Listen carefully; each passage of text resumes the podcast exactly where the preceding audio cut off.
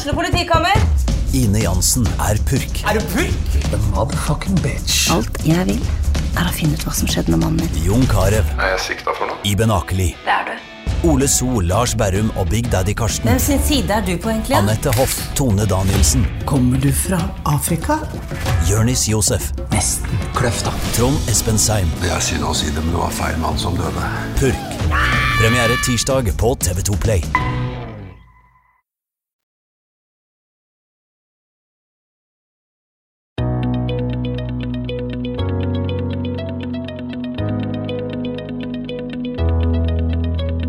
Og velkommen til TV-podden. Jeg heter Marie Olavsen.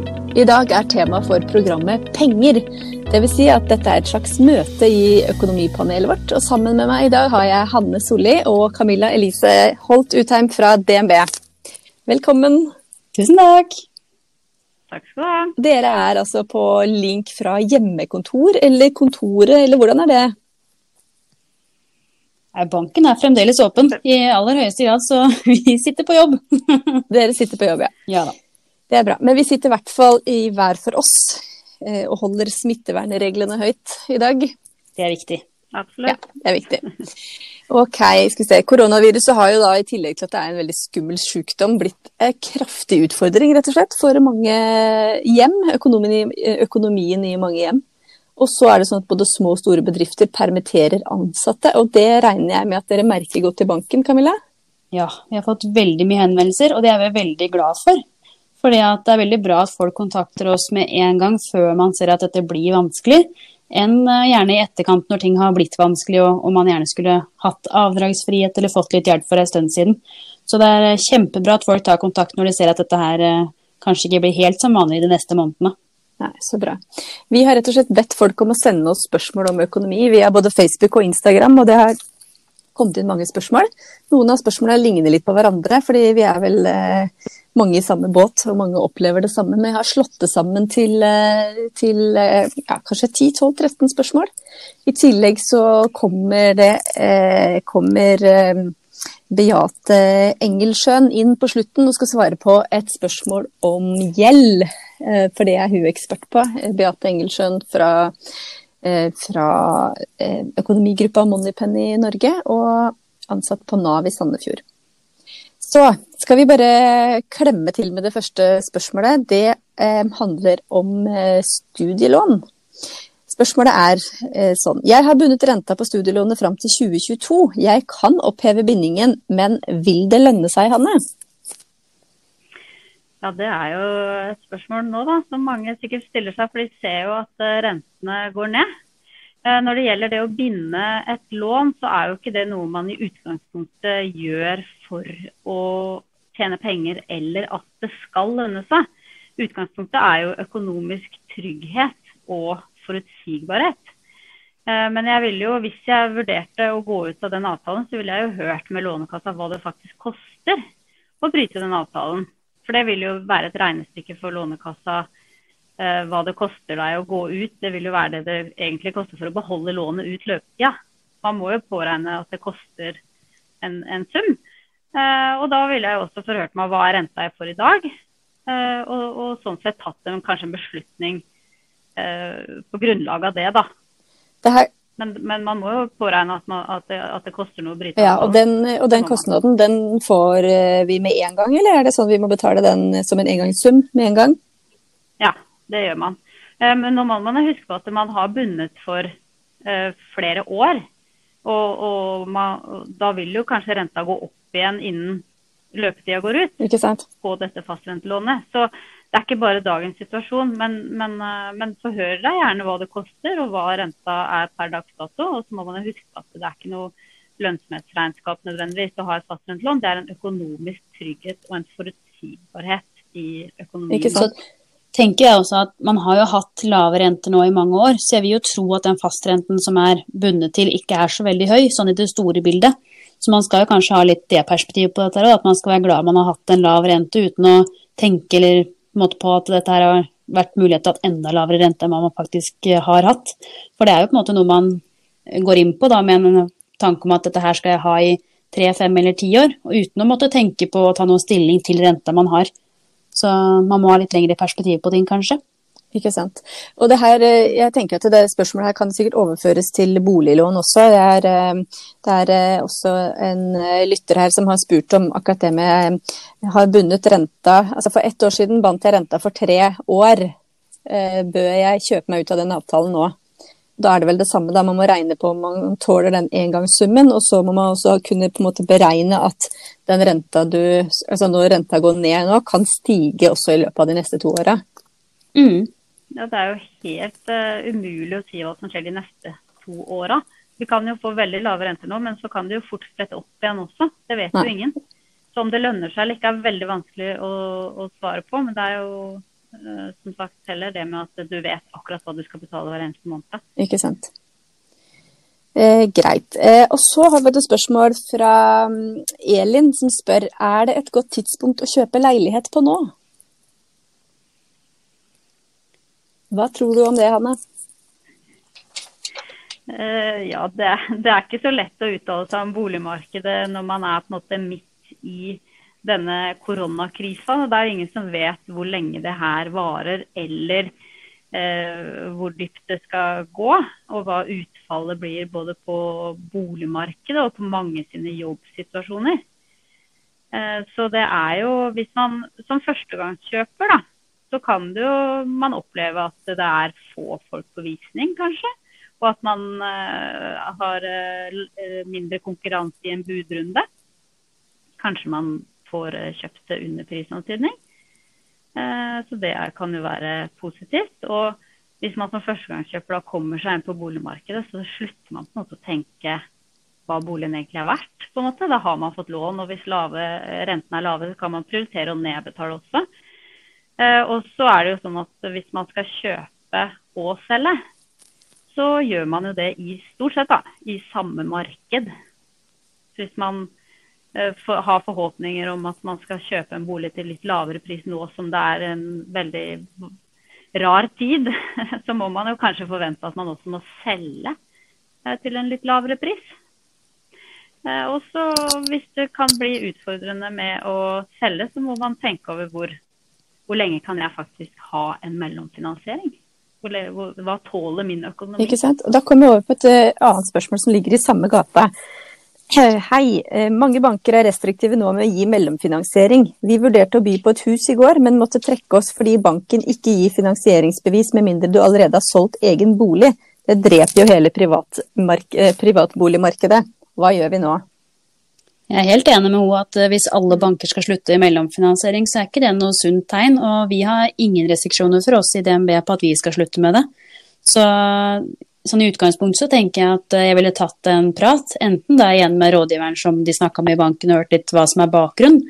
Er det sånn at de generelt ikke gir mellomfinansiering, eller var det noe spesielt ved risikoen ved boligen der? Eh, er det en kjempedyr bolig, og de er nødt til å få den prisen som de har sett for seg, så er det kanskje litt dumt å selge akkurat nå. Men er det en eh, mindre leilighet i kanskje Tønsberg sentrum som normalt sett går til en grei pris, så er det kanskje ikke risikoen så høy, og da kanskje man skulle snakka, hørt med en annen bank da, og snakka med, med, en rådgiver om det kanskje er bedre å, å, å høre om, med flere meninger. Kanskje man skal ta en prat med en megler òg, for å høre litt om hva de tenker om markedet i dag, som er mer på enn hva vi er i banken. Mm. Noen har jo fått finansieringsbevis eh, som er gyldig nå, og så kanskje en av eh, herr eller fru har mista eller er permittert.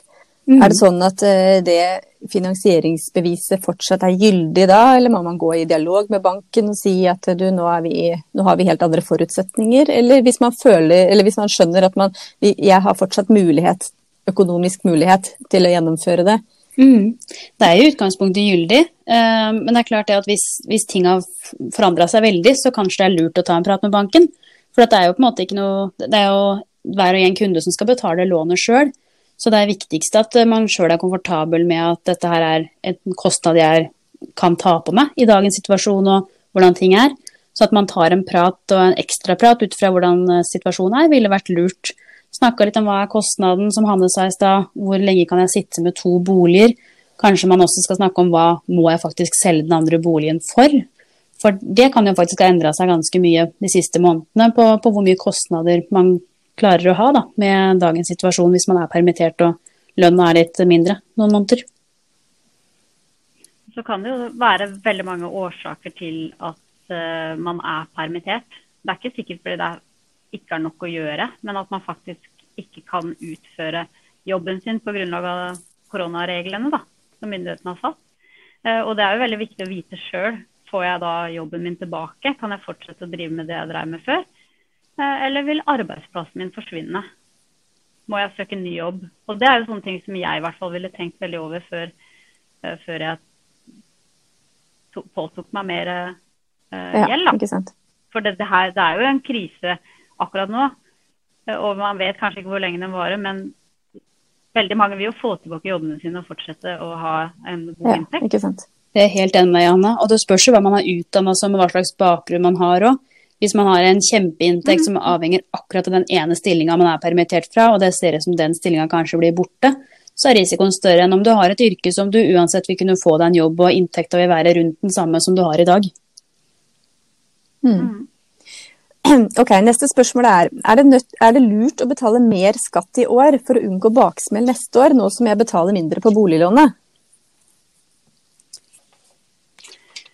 Altså, hvis, man, hvis, man, vet at man kommer til å, å, få en baksmell, så er det jo lurt å be arbeidsgiver trekke mer eh, skatt.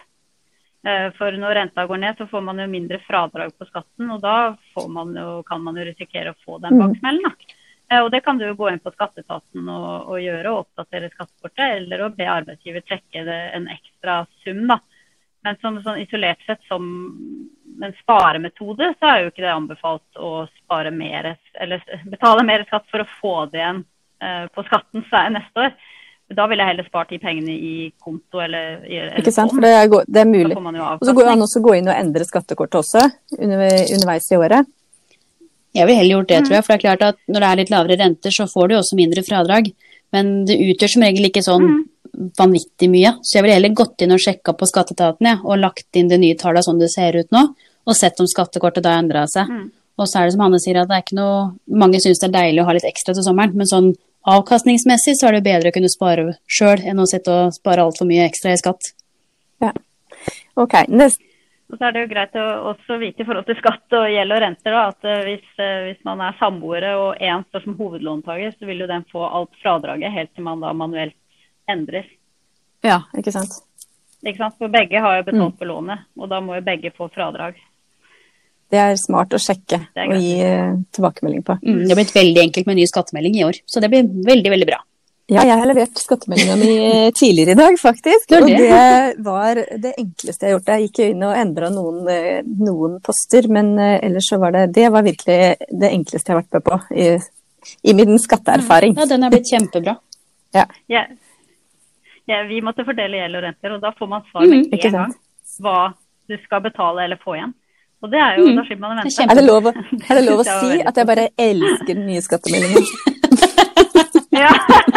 Jeg blir så glad hver gang det kommer ny skattemelding. Jeg gleder meg allerede til neste år. Ja, ja. Helt fersk, rykende fersk eh, dokumentasjon fra kunder. Ja, jeg tror ikke du hadde sagt det for et år siden, Marie. Jeg hadde ikke sagt det for et år siden. Skattemeldinga var det verste jeg visste da. Ja. Ok, eh, Siste spørsmål, kanskje i den kategorien her. Eh, og den, Det er liksom nesten lurespørsmål. Hva skjer med lånerenta ved en ny finanskrise? er det noen som spør. Og er vi i en ny finanskrise nå? Vi er jo ikke det. Eh, men det er jo veldig vanskelig å si, for vi veit jo på en måte ikke helt hva som kommer til å skje ennå. Men som, hvordan utviklinga blir, avhenger jo også mye av hvordan vi mennesker fortsetter å, å, handle og agere. For hvis alle setter seg på en måte bak og slutter å handle og slutter å gjøre noe, så vil jo stoppe markedene mer enn hvis vi fortsetter å leve så godt vi kan som, som før. Ikke sant? Mm. Og renta går jo ofte Altså i dårlige tider så er jo renta et uh, rentenedsettelse et verktøy som sentralbanken bruker uh, for at vi skal opprettholde kjøpekraft og at bedrifter skal få det lettere, blant annet. Da. Så da går jo ofte også bank, bankrentene ned, da. For etter styringsrenta så følger jo ofte pengemarkedsrenta, og det er jo der banken blant annet da, låner Hanne, det tror jeg du må si en gang til, fordi nå ramla du ut litt. Kan du si det med pengemarkedsrente? Jeg vet ikke. Men det er helt, jo, det er helt riktig som du sier. Altså, bankene låner ikke penger av med rente som styringsrente. Vi følger en, en rente som heter pengemarkedsrente, som vi låner av. Og normalt sett så vil pengemarkedsrenta eh, reduseres når styringsrenta settes ned. Men når det er så urolig som det er i disse markedene i dag, så er ikke det noe, noe automatikk i at det skjer. Så derfor så, så, vil det på en måte føre til at rentene har blitt satt ned. Men vi opplever også at ulike banker vurderer dette her litt ulikt, eh, noe vi kanskje kommer til å se litt framover i tid òg. Men at det har blitt litt lavere, det, det, vil det jo være så lenge vi har eh, vanskelig økonomi. Men jeg må jo også si at for norsk økonomi sånn i helhet, så er det ikke noe bra at vi har så lave renter som vi har per i dag. Og det er jo også begrensa hvor mye lavere de kan bli. Så, så sånn for samfunnsøkonomisk så håper jeg at vi kommer til å ha en litt høyere rente enn hva vi har i dag, selv om det sånn privatøkonomisk er veldig behagelig med lav rente. Men det må du si noe om. Hvorfor er det sånn at eh, det ikke er så bra for samfunnsøkonomien eh, å ha lav rente? Nei, Det er jo et tegn på at ting ikke går så bra som det skulle gjort. Da. Det, det vil jo på en måte ha litt med norske krona å gjøre, og hvordan bedriftene i samfunnet vårt fungerer.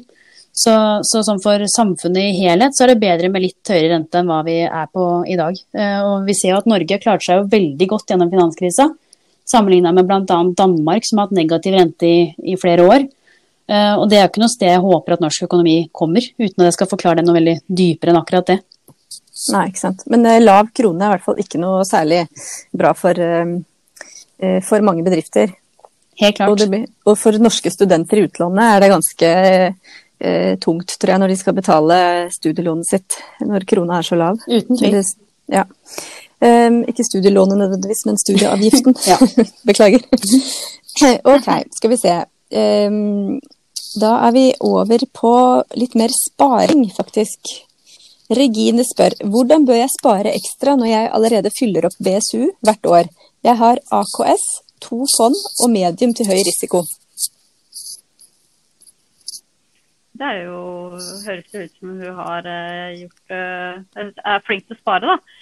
Eh, BSU er jo en trygg og forutsigbar eh, sparemetode. Og fond er jo, som hun har valgt, da, medium. Nei, medium med høy risiko, så hun har spredt risikoen ganske greit. Eh, det med langsiktig perspektiv er viktig her. Og, og man bør jo holde seg til spareplanen og, og fortsette med, de, med, den månedlige spareavtalen. Da. Men hvis du fyller opp BSU-en, så har vi også noe som heter BSU Start. Som gjør at man kan spare litt ekstra på BSU. da. Bare det 25 mm. 000, Camilla? Eh, hver måned på den også? Nei, hvert år, mener jeg. Ikke sant. Og da er det ikke samme skattefradraget mm. som eh, på BSU-kontoen, men det er fortsatt god rente, er det sånn der, eller? Ja, det er lik rente, men du får ikke det skattefradraget. For det får du på den vanlige BSU-en. Det du sparer der, så sant du har inntekt. da. Jeg tenker jo for hennes del at hun må bare fortsette som hun gjør. Så lenge hun ikke har noen måte, tanker om at hun trenger mm. pengene akkurat nå, så er det å fortsette å spare.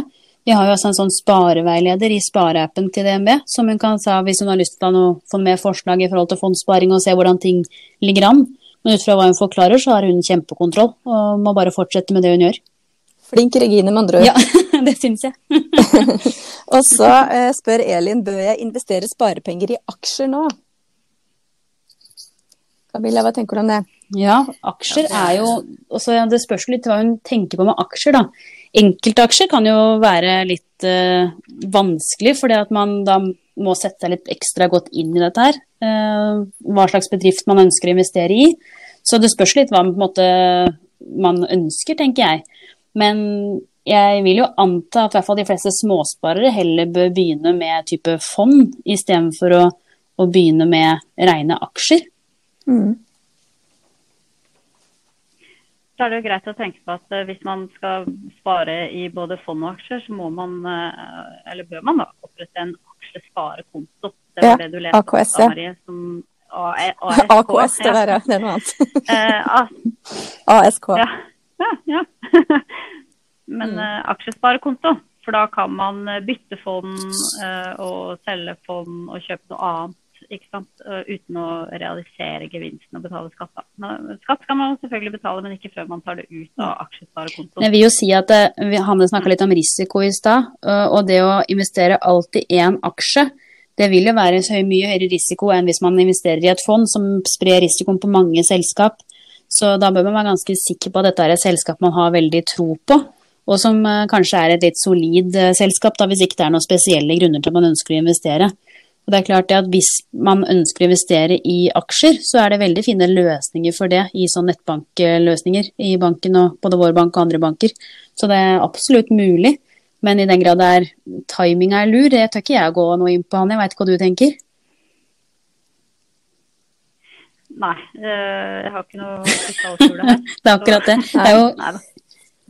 Nei, det er, det, det, her, det er, jo veldig vanskelig å forutse hvordan det her skal gå. da, og altså alt, Det meste snur jo. altså Når markedet går ned, så, så, går det jo opp igjen. Men det er ikke sikkert akkurat det selskapet som man da velger å investere i, Nei, kommer ut av krisen.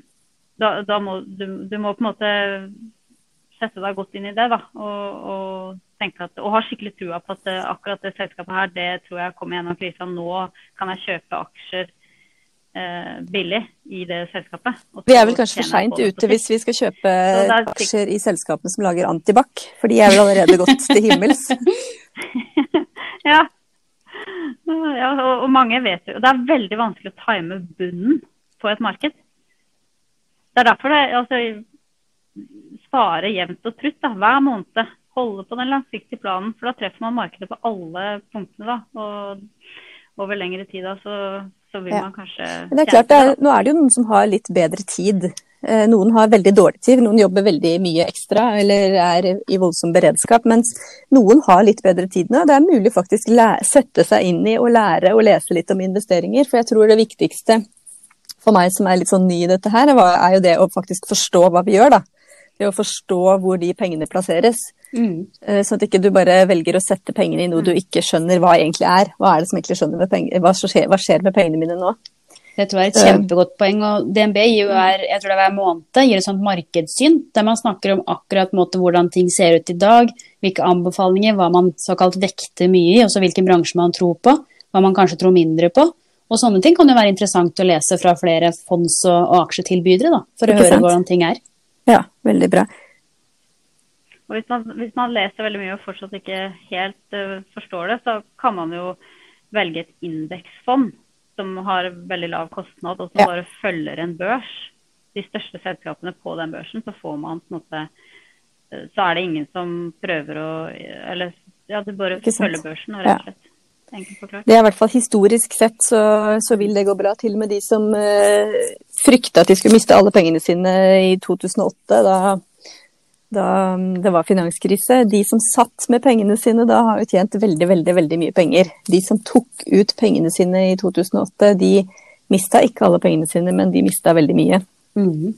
Man har så, ikke tapt før man selger. Det er nei, det som er. Så, så, selv om du kan se, se på kurvene på indeksfond nå, så tenker jeg at uh, Eller pensjonen nå, for den saks skyld. Mm. som jeg innimellom logger meg inn for å se hvordan går det med pensjonen min. Det er jo bare å logge seg rett ut igjen om dagen.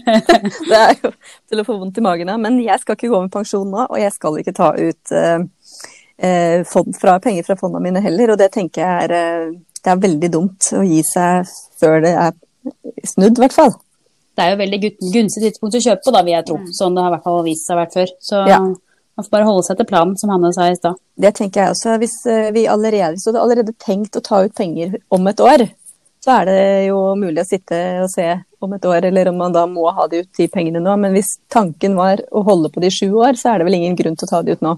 Nei, det er jeg helt enig med deg i. Ja. Um, skal vi se. Jo, og så er det et veldig generelt spørsmål her. Fordi jeg vet ikke hvor gammel, gammelt disse barna er, men Camilla spør hvordan bør jeg spare til barna mine nå? Hanne, hva tenker du om det? Ja. Nei, jeg tenker eh, Spørsmålet er liksom formulert som hvordan bør jeg spare til barna mine nå? Hvis hun, hadde, hvis hun allerede har en sparing, så bør man jo bare på en måte fortsette med de gode vanene. Om det er BSU eller om det er fond, eh, så ville jeg i hvert fall bare fortsatt med denne langsiktige planen. Eh, så det er jo ikke noe grunn til å endre noe når man allerede er i gang. Eh, men hvis man er ikke så risikovillig, så, så er jo BSU en veldig god konto for, for barn. Da. Da, da har man god rente. Eh, og ingen risiko. Ikke sant, men da er det, er det BSU start, da kanskje, hvis de barna ikke tjener penger, så ikke det er noe skattedrag? Ja, veldig. Bare hyggelig. Takk. BSU Start kan man få fra man er nyfødt. Ja, så BSU, vanlig BSU bør man jo, eller bør og kan man vente med til man uh, har begynt å kanskje å jobbe og fått en inntekt. Da kan man spare på BSU Start først. Så det er, men å holde seg til den langsiktige planen, så, som vi har snakket om i stad, historisk sett så tar det seg jo opp igjen, selv om vi er inne på en liten dipp nå. Det ser man jo på de børskurvene vi snakka om. Hvordan var det i 2008? Hvordan var det Ikke sant? Det går det vil, det vil gå opp igjen. Og hvis barna er eh, ikke så veldig gamle, så er det jo veldig langsiktig sparing. Da, og da må man jo eh, forvente at eh, markedet går både opp og ned i løpet av Mm. sparetida. Ikke Det er det som er litt gøy. Det er jo det. Spenning i hverdagen. Kjøp, kjøp litt på salg. eh. Må prøve å tenke det, at nå kjøper man billig. Jeg har faktisk hoppa over et husspørsmål, eller boligspørsmål. Men, og det er kanskje ikke et spørsmål heller, det er mer et hjertesukk som dere kan få lov å kommentere. Her er det ei- en dame som, på Vestlandet faktisk, som, stiller, som sier vi vil kjøpe hus, men har ikke spart penger. Derfor blir det umulig å kjøpe på noen år, og det er umotiverende. Jeg tenker jo egentlig helt omvendt, jeg, da. At er det noen gang det er motiverende, så må det egentlig være nå. Når man ser at ikke bare boligmarkedene går rett i værs, og kanskje ting kan eh, reduseres litt da, i fart. Sånn at man eh, enten eh, bør begynne å eller spare det man måtte kan, men selvfølgelig så finnes det også løsninger for oss i banken ved at man kan kjøpe seg bolig uten å ha spart opp nok. Så jeg vet ikke, hvis ikke de har snakka med banken, så ville jeg ha tatt en prat, jeg da. Om hørt litt hvor mye må vi spare. Eh, kanskje hvis man har foreldre som kan hjelpe til, så kan man jo ha såkalt realkausjonister, som betyr at eh, vi får lov til å ta litt av lånet med sikkerhet, som vi kaller det, i foreldrenes bolig. Og at man da kan kjøpe nå, kanskje. Så, så hvis man har en god og fast inntekt, faste jobber og, og en inntekt som strekker til på en måte de kostnadene man ser at man vil ha med, med egen bolig, så er det ikke noe umulighet til å kunne kjøpe seg bolig. Så jeg håper jo at de, de tar en prat med banken da, før de mister motivasjonen helt og, og kan uh, se hva mulighetene er. For jeg tror det er masse muligheter, jeg. Nei, det var opptur. Fra den ene oppturen til den andre. Nei da. eh, Thomas spør hva gjør jeg hvis jeg får for lite inntekter til utgiftene mine? Ja, det skal jeg svare. Det er vel det du Det kan jeg godt. Det er det du har vært gjennom nå det siste året, er det ikke det? Hvordan Det har jeg testa. Jeg ville gjort dette. Først så ville jeg lagd en eh, oversikt over alle inntekter og utgifter. For å se liksom hvor stort er, er gapet mellom inntektene og utgiftene. Og så ville jeg bare skrelt vekk alt som ikke er nødvendig. For er det sånn at det ikke er penger til, eh, til alt vi vil, så må vi i hvert fall ha penger til alt vi må. Eh, og det, eh, det betyr at eh, altså når jeg kikka gjennom alle mine utgifter, så var det mye Kanskje så, ikke mye, men en del hodeløs, hodeløst forbruk, da. Som jeg ikke helt klarte å sette fingeren på var det liksom, behov vi hadde i familien. Jeg tenker at vi må bare sitte igjen med muligheten til å betale for boligen vår. Dvs. Si, altså et lån hvis det er lån, eller husleie hvis det er husleie. Forsikring og strøm. Og du passer på at det er penger nok til eh, mat til eh, alle som bor i det huset. Eh, også hvis vi er avhengig av å kunne klare å komme oss til og fra en jobb, så må vi ha penger til transport. Enten det er togbilletten eller diesel eller elektrisitet til elbilen. Men bortsett fra det, så er det jo mulig å faktisk kutte veldig mye. Og er det regninger vi ikke klarer å betale, så er det jo smart å ringe, og skylde, ringe de vi skylder penger, og si fra. Og be om kanskje få en betalingsutsettelse, eller få lov å dele opp en regning i flere deler. Og har du boliglån, så er det jo ringe banken og spørre om å få avdragsfrihet. Jeg tenker jo at eh, man kan vel kanskje ikke ha avdragsfrihet til evig tid, men eh, hvordan, eh, hvor, hvor lenge er det mulig å få avdragsfrihet, Camille?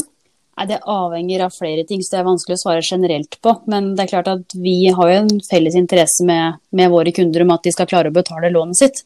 Og det er akkurat som du sier at det er veldig mye lettere hvis de tar kontakt eh, så fort de oppdager problemet, enn at man kommer etter et halvt år og sier at eh, du, nå har jeg slitt et halvt år. Eh, For da er det på en måte ofte gått så langt at det er vanskeligere for oss å, å gjøre noe med sånn på stående fot. Så, så, ring gjerne så fort du ser at dette her, nå er kostnadene for høye, for å høre hva som er mulighet å, å få til. Så gjør vi alt god løsning for, for hver kunde. Ikke sant. Og da har jo vi snakka om eh, for, til, for, nye lyttere, så kan vi si at eh, vi har spilt inn flere episoder med veldig mange konkrete sparetips for den som ikke klarer å få det helt til å gå rundt, eller eh, for, ja, for alle mulige behov, egentlig. Enten man er samboere eller enslige eller ungdom eller hva det er som er. Pensjonister har vi til og med kanskje nesten snakka litt om. Men eh, det viktigste og, og, de, eh, og, der har vi mange gode svar, og de kan jeg legge i, i episodeinformasjonen til denne podkasten her. Kan jeg lenke til de andre episodene, sånn at de er lett å høre på i etterkant. Mm. Um, ja, her er det også et uh, spørsmål om uh, jobb, og det er jo en sånn annen type jobbspørsmål. Bør jeg ta sluttpakke fra jobben nå? spør en anonym. Vi var jo litt innom det i stad, for det er jo også veldig avhengig av hva slags jobb man har, da.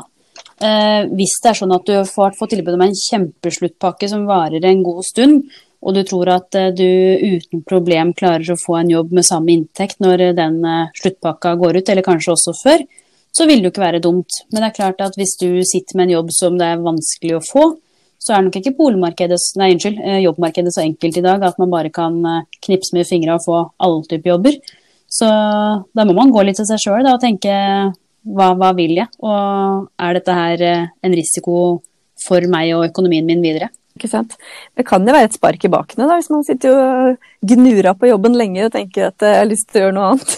Det er klart det. Da får man et økonomisk vindu der du liksom på, ved enden av dette her, så må jeg faktisk ha blitt så kreativ eller arbeidsom at jeg har klart å finne meg en ny inntekt. Det er ikke alle som får sluttpakker i det hele tatt, så jeg tenker at det er en veldig det er veldig gode muligheter eh, for de som eh, tenker at det, nå har jeg lyst til å prøve noe nytt. Et spørsmål her fra ei jente som sier jeg er student med boliglån. Um, og det er jo ikke så greit når studentene er jo da uh, har fått en ny avtale i dag, faktisk, som sier at de kan Først får de nå resten av studiestøtten utbetalt nå, uh, i april, for resten av mm. året. Uh, og i tillegg så får de da låne 26 eh, 000 kroner, hvorav eh, er det 9000, tror jeg, som blir gjort om til stipend. da. Mm. Det er ikke alle studenter som er like fornøyd med det. Altså, dette her gjelder jo da studenter som har måttet slutte å jobbe fordi de har blitt permittert og ikke lenger har mulighet for å få en inntekt. Eh, men hvordan er det med når man da ikke har inntekt og lever på studielån, har boliglån? Hva gjør man da? Mm. Da tar man kontakt med banken. For eh, nå er det jo ikke bare Eller nå er det veldig mange da, som blir permittert. Uh, og da vil jo banken gjerne hjelpe de som, uh, som sitter der med lavere inntekt eller ingen inntekt, med avdragsfrihet i en periode. og retningslinjene fra Finanstilsynet er jo at man i utgangspunktet skal ha mindre enn 60% boliglån i forhold til boligens verdi da, for å få avdragsfrihet på, på måte, av lang tid av gangen. Eh, men, men, det er jo til alles interesse, som Camilla også sa i stad, at man ønsker å finne løsninger med kunder som har det vanskelig. Ja.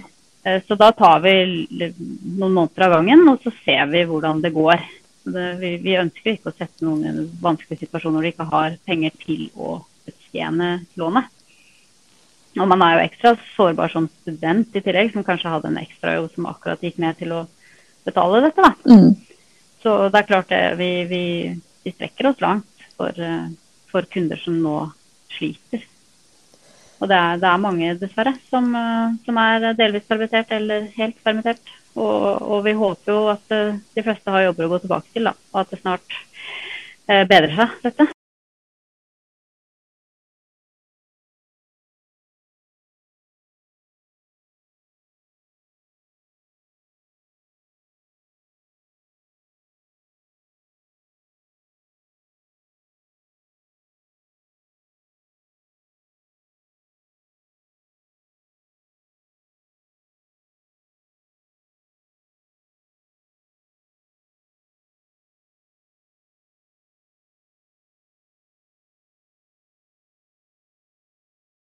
Ja, da har jeg fått et spørsmål som er som følger. Kan dere si noe om forskjellen på kommunal og privat pensjon? ja, pensjon er jo et uh, vanskelig tema for mange uh, å skjønne seg på. Det er mange regler og forskjell på både kommunal og privat og innskudd og ytelse. Men uh, privatpensjon er ofte som sagt innskudd eller ytelse.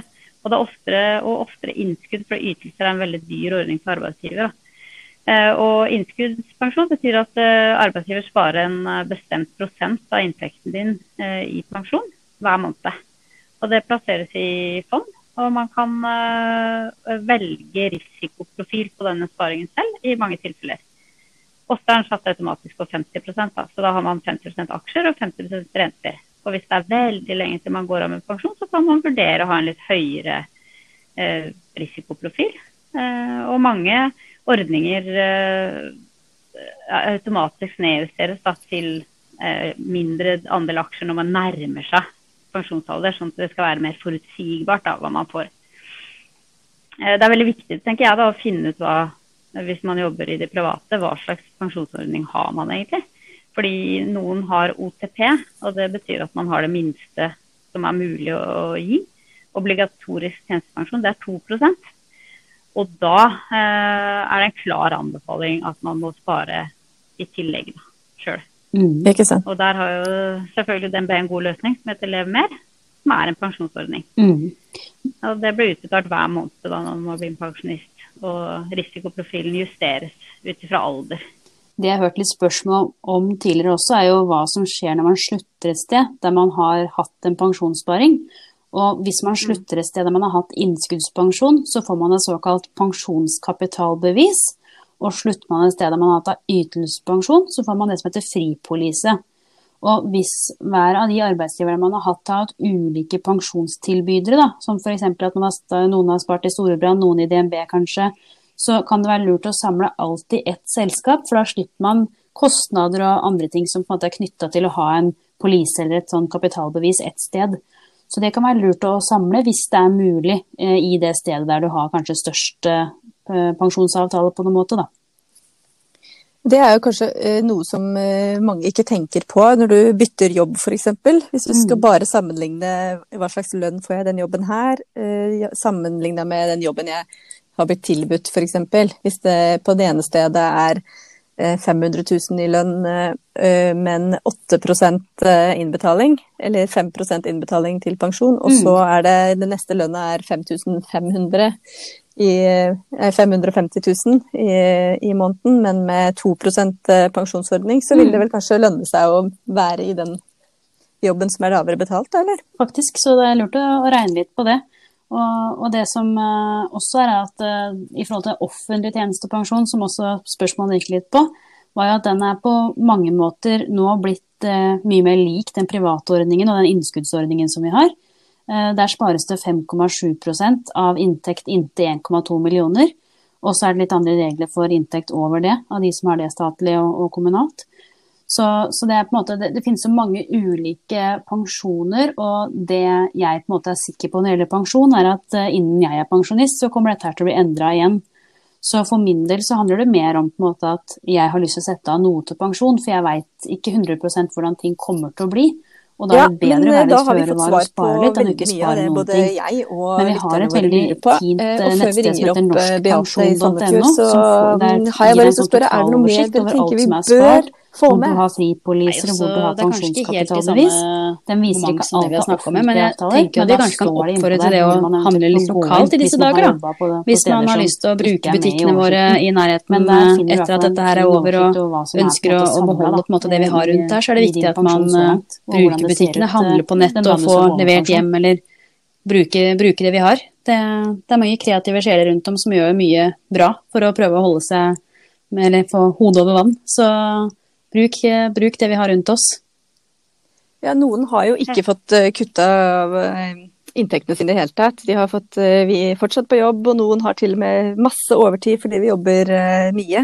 Og, da, og, hvis boliglånsrenta også settes ned nå, så blir det jo penger til overs Det var en fin oppfordring. Man bruker, ja, man bruker jo mindre penger i disse dager, så man ikke er ute og spiser eller går på aktiviteter eller uh, gjør så mange ting som man gjorde før. Da. Så da kan man jo vurdere å kanskje handle litt lokalt, som Camilla sa. Og det er jo mange bedrifter eh, her lokalt i Tønsberg også som har uh, snudd seg litt rundt og tilbyr levering. Og uh, for de som ikke har lyst til å gå i butikken og handle selv, så får man brukt lokale, lokale tilbudet på nett. Ja, det er en super oppfordring. Mm. Eller å ringe, ja. Veldig mange. Ja, men det er veldig bra. Da må dere bare fortsette å regne på boliglånsrenter og avdragsfrihet og Så absolutt. og hva dere er opptatt av. Så skal jeg få inn det svaret på det siste spørsmålet via link til Sandefjord. Da får dere ha en fin dag. Likeså. Ha det. Ha det godt. Spørsmålet jeg skal stille Beate, kommer fra en dame som uh, trenger skikkelig hjelp. Hun sier som følger. Jeg skulle gjerne visst litt om veien mot å få gjeldsordning. Jeg er ufør, alenemor med to barn. Eh, og Beate, du er jo kjempegod i jobben din hos Nav. Der hjelper du mange med å få oversikt over gjeldssituasjonen sin og lage gode løsninger. Hvilke tips har du til denne kvinnen? Ja. Eh, når det gjelder veien for å få en gjeldsordning, så er den ofte ganske lang. Eh, det viktigste man kan begynne med, det er å få en oversikt over gjelden sin. Og det er viktig at man er ferdig med å ta opp gjeld. Altså, man må ha kontroll på hverdagsøkonomien sin og klare å betale alle regningene sine hver måned. Og så er det noen vilkår som må være oppfylt for at man skal ha eh, rett på en gjeldsordning. Eh, og det, Et av de vilkårene det er at man må ha forsøkt å få i stand en løsning med kreditorene sine selv. Og Det kan man enten prøve på egen hånd, eller så kan man få hjelp av Nav til det. Eh, det neste vilkåret som er veldig viktig, er at man må være varig ute av stand til å betjene gjelden sin. Og Da kommer det litt an på hva slags type gjeld man har.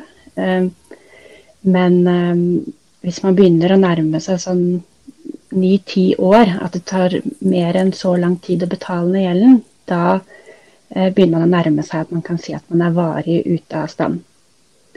Og så er det et tredje og viktig vilkår. Det er at det ikke skal være støtende for andre at man får en gjeldsordning. Og Da kommer særlig alder på gjelden inn. Også om man har straffegjeld og hva slags, hva slags type gjeld man har. Eh, så hvis man lurer på om man kan få en gjeldsordning, så vil jeg egentlig råde folk til å ta kontakt med gjeldsrådgiver i kommunen sin. Eh, for da vil man få hjelp til å vurdere om man oppfyller eget forsøket, eller at man vil oppfylle eget forsøket per definisjon ved å ha vært i kontakt med Nav. Hva betyr det at en gjeldsordning kan være støtende? Et av de viktigste kriteriene når man ser på støtende vilkåret, er om gjelden er eh, gammel nok. Hvis gjelden din er helt ny, så sier man at det vil være støtende for kreditorene eller samfunnet for øvrig at man får innvilget en gjeldsordning. Sånn man kan ikke ta opp én million i forbrukslån i dag, og så leve i sus og dus i to uker, og så søke gjeldsordning, f.eks. Um, ehm, så um, Forarbeidene til loven sier vel noe om at uh, halvparten av gjelden kan ikke være yngre enn to år. Det er vel det som er hoved, uh, hovedvurderingen som gjøres. Og så er det litt variasjoner ut ifra hver enkelt sak. Altså, egentlig er rådet mitt å ta kontakt med Nav, fordi at eh, du må oppfylle eh, vilkåret om å ha forsøkt på egen hånd. Så med mindre man kan veldig godt dokumentere det, så er veien å gå gjennom Nav, egentlig. Og da vil man få hjelp til å vurdere om man er i posisjon til å få en gjeldsordning eller ikke, og også få hjelp til å levere en søknad.